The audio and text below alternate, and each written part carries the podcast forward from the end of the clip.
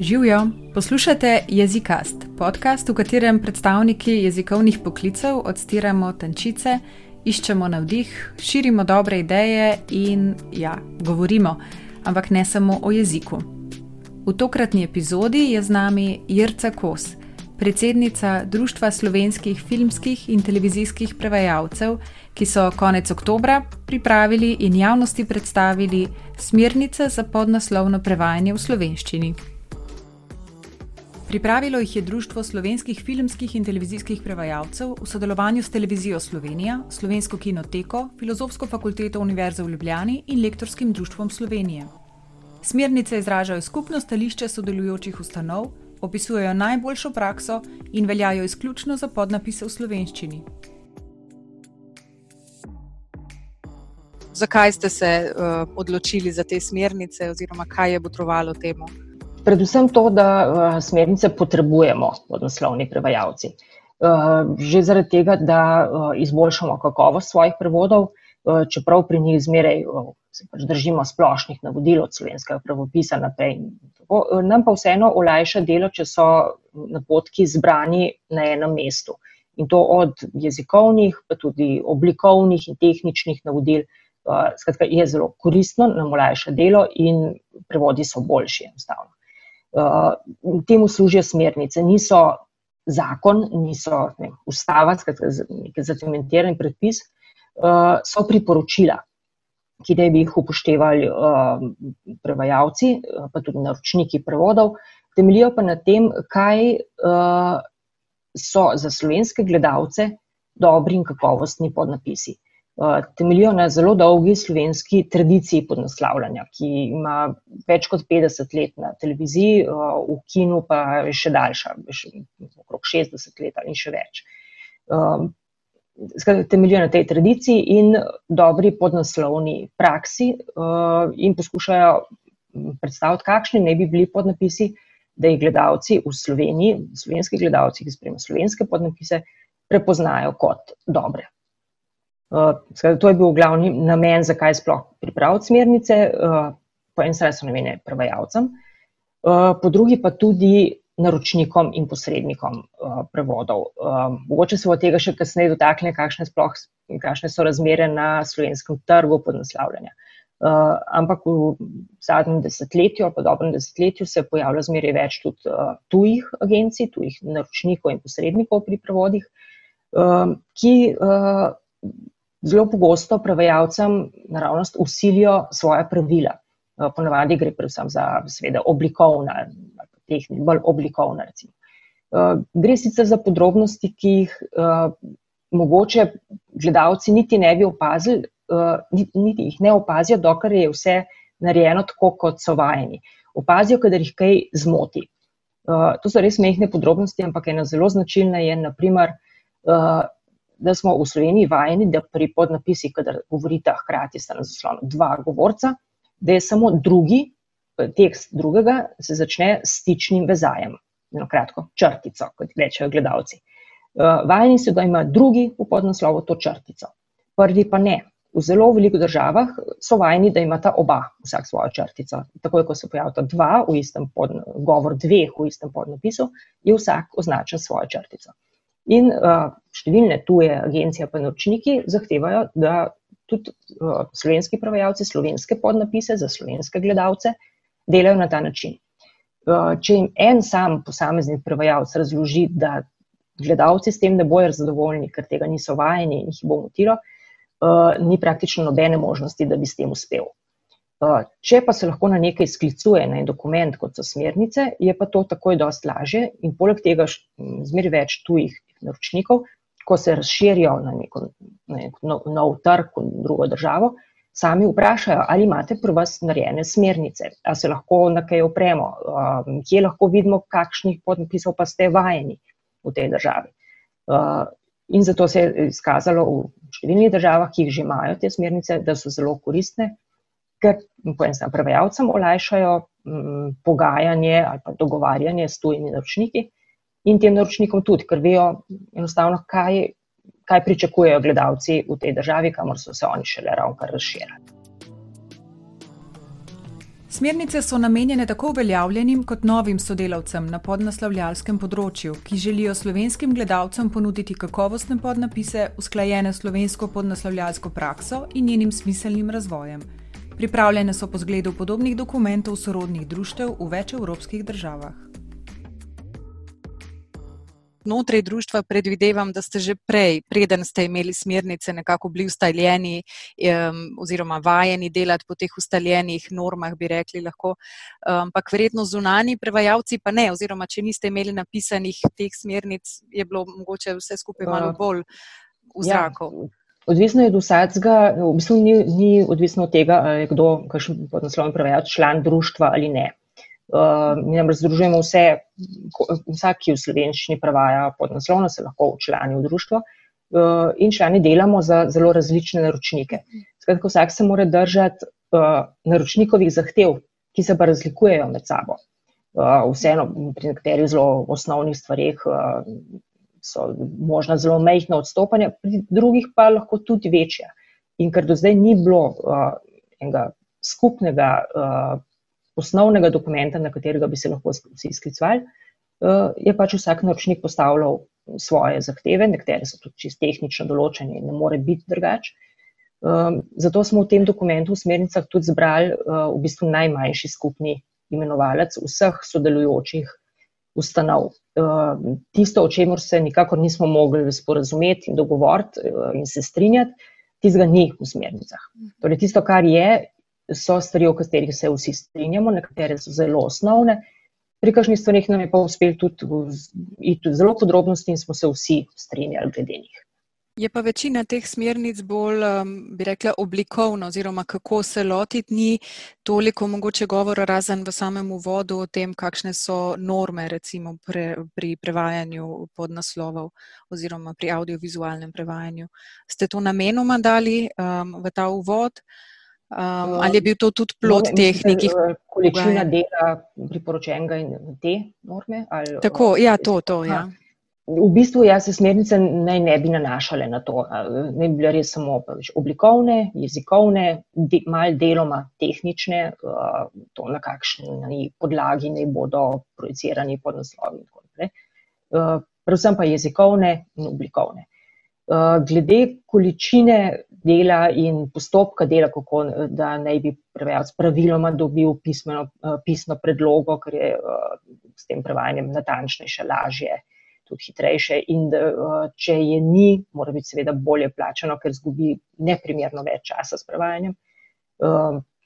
To so že stvari, ki so stvar dogovora, pogodbe med naročnikom in prevajalcem. Ampak smo tudi tukaj zapisali res minimalne standarde, v katerih se pa vsi strinjamo, in se nam zdi, da se da preko tega res ne bi mogli biti. Da en naročnik, ki uh, ne plača več, če je prevod brez pisne uh, predloge, bi bilo res tako nespremljivo, da se nam zdi, da se skoraj ne bi smeli sodelovati z enim takim naročnikom in zato tudi praktično noben tega ne počne. Vsi vsaj malo več ali pa malo manj, ampak plačajo več, če te pisne predloge ni. Uh, uh, in podobna pravila, ali pa tiste priporočeni dnevni obremenitvi prevajalca. To je tudi spet samo eno priporočilo, ker v praksi so lahko stvari zelo drugačne. Ampak s tem smo poskušali vsaj namigati naročnikom, uh, da ne bi poskusili postavljati njih včasih res nerazumno kratkih rokov. Mi smo seveda navajeni delati stvari tudi čez noč, se zgodi. In smo delež od tega, do tistega ideala, ki po nekih mednarodnih standardih tudi velja, da ne bi prevajalec za prevod, recimo, povprečnega celovečernega filma ali pa daljše dokumentarne oddaje, imel idealno en teden časa. Tega v praksi ni skoraj nikoli. In ponavadi, kakšen celovečerc ali pa en dolg dokumentarc, običajno naredimo v treh do štirih dneh.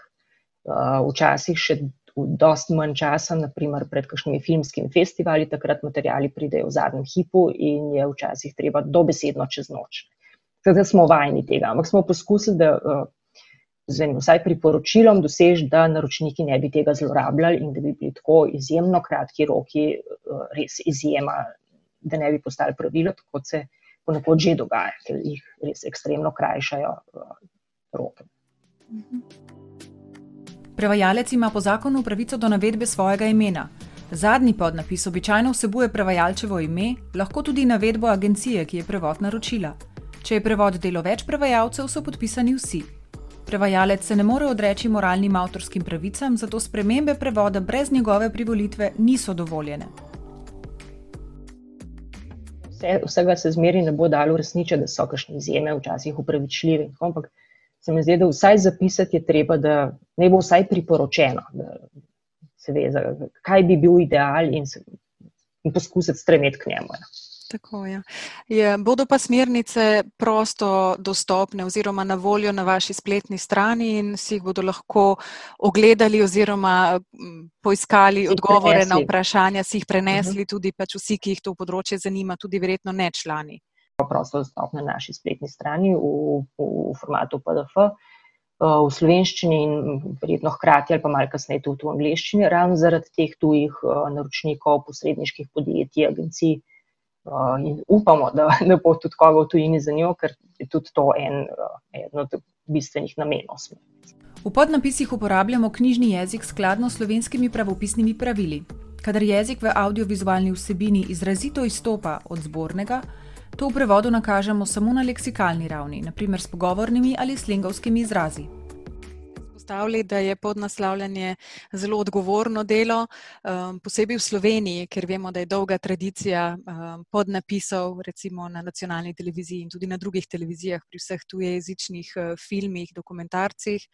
In um, te prevode v resnici bere največ ljudi. Kaj v resnici ta odgovornost pomeni za podnaslovne prevajalce oziroma prevajalce audiovizualnih vsebin?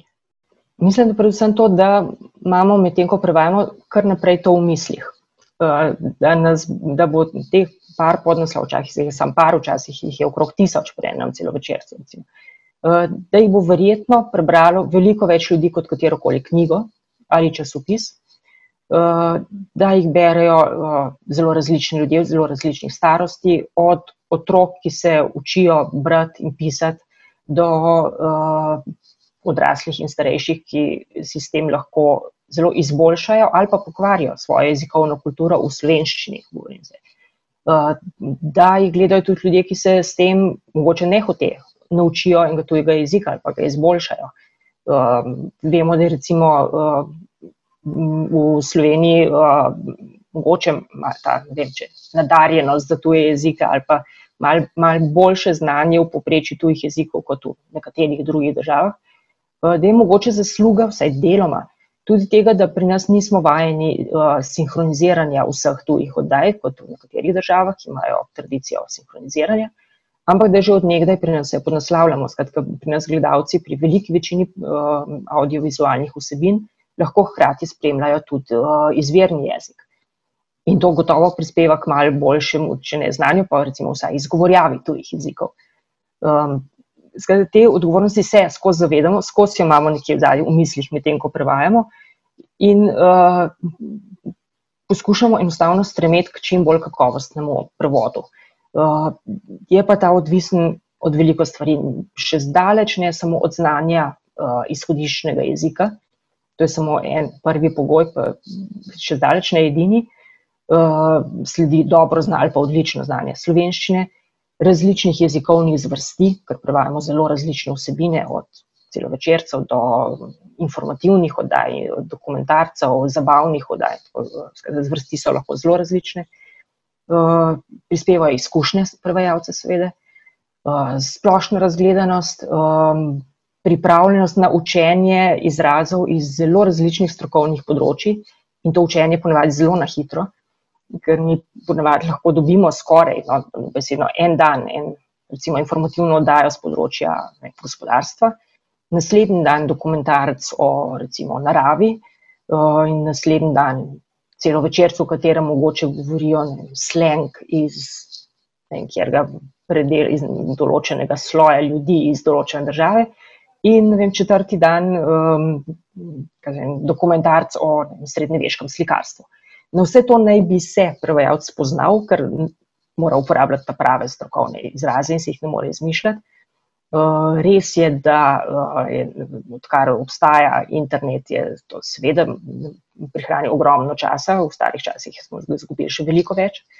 Um, ampak te kratki roki, v, v katerih je ponavadi treba prevesti eno oddajo, nam zelo redko dopuščajo, da bi se lahko tako, kot bi bilo prav, recimo obrnilnega strokovnjaka iz tega področja, sodelovali z njim, da bi nam pomagal najti točno ustrezen slovenski izraz za neko ustreznico v tujem jeziku.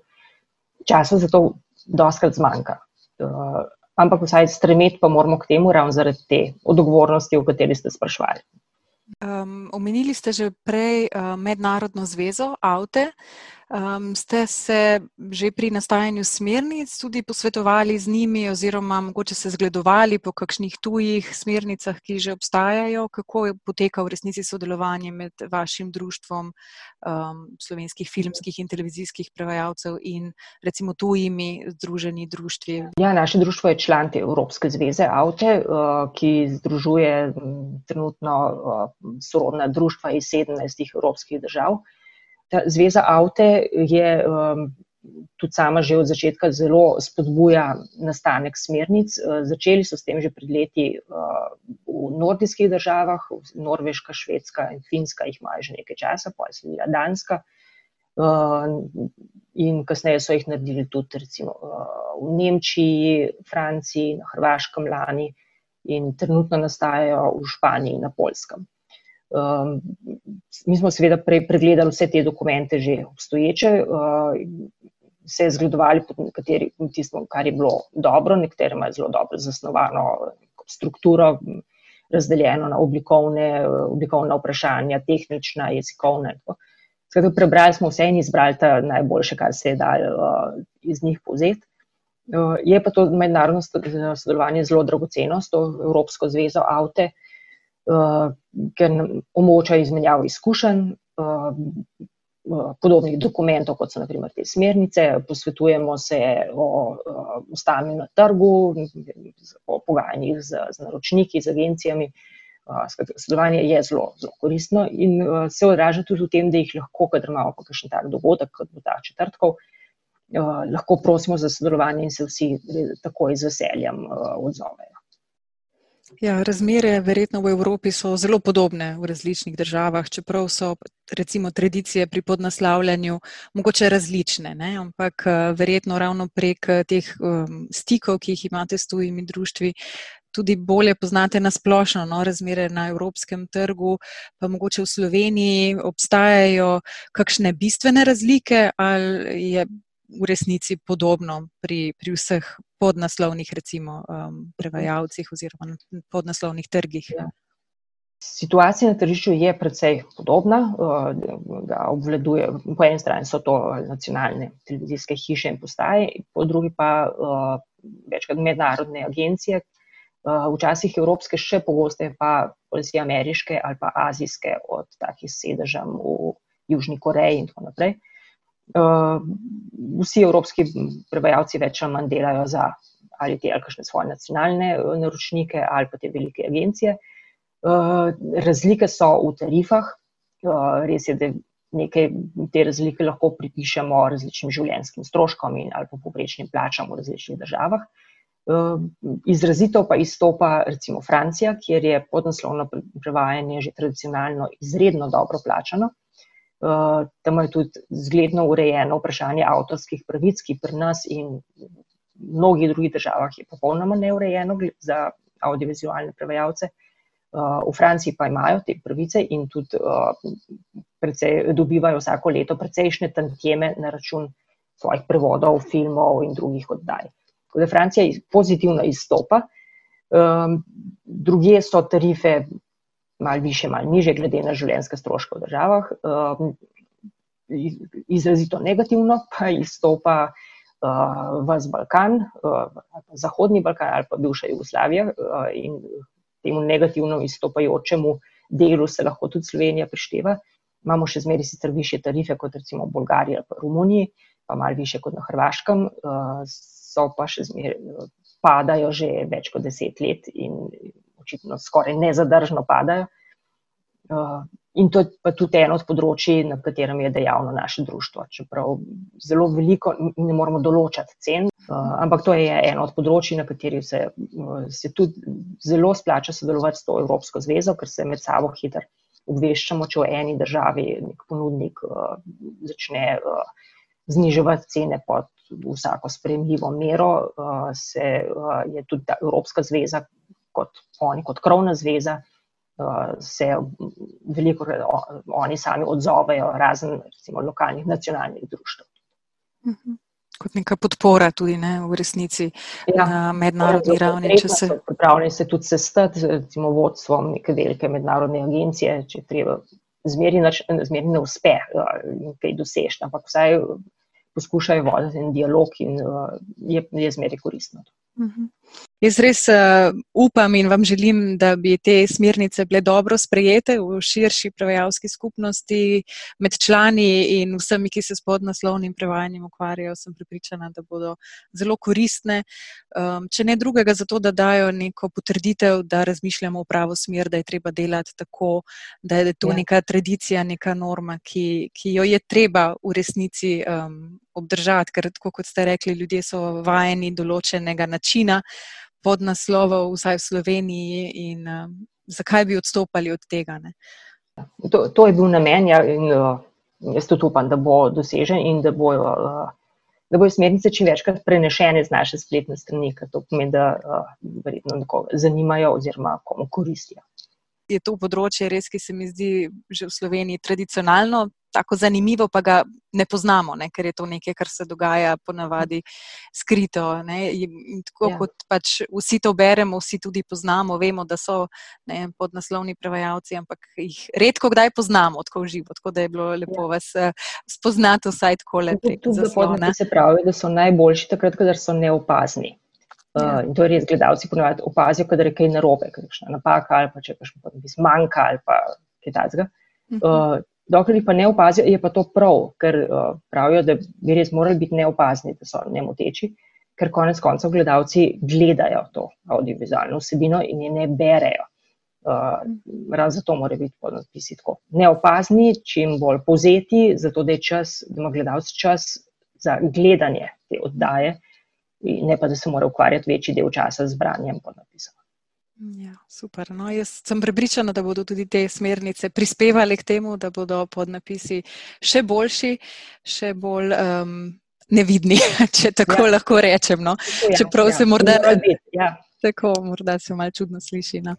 Hvala lepa. No. Tako, to je bila druga oddaja podcasta Jezikast, v kateri je bila moja gostja Jrca Kos, predsednica Društva slovenskih filmskih in televizijskih prevajalcev. Pogovarjali sva se o smernicah za podnaslavljanje v slovenščini, ki jih lahko najdete na njihovih društvenih spletnih straneh. Prispevke o jezikovnih poklicih pa spremljajte na portalu jezikovnipoklici.si. Oddajo sem posnela Jana Zidar Forte. Če vam je bila všeč, povejte drugim. Če pa imate kakšen komentar, predlog, kritiko ali kaj podobnega, pa seveda pišite raje nam na infoafna jezikovni črtica poklici.si. Tako, naslednjič bomo morda že malo manj živčni in bolj zabavni, ampak upam, da nas boste še poslušali. Adijo!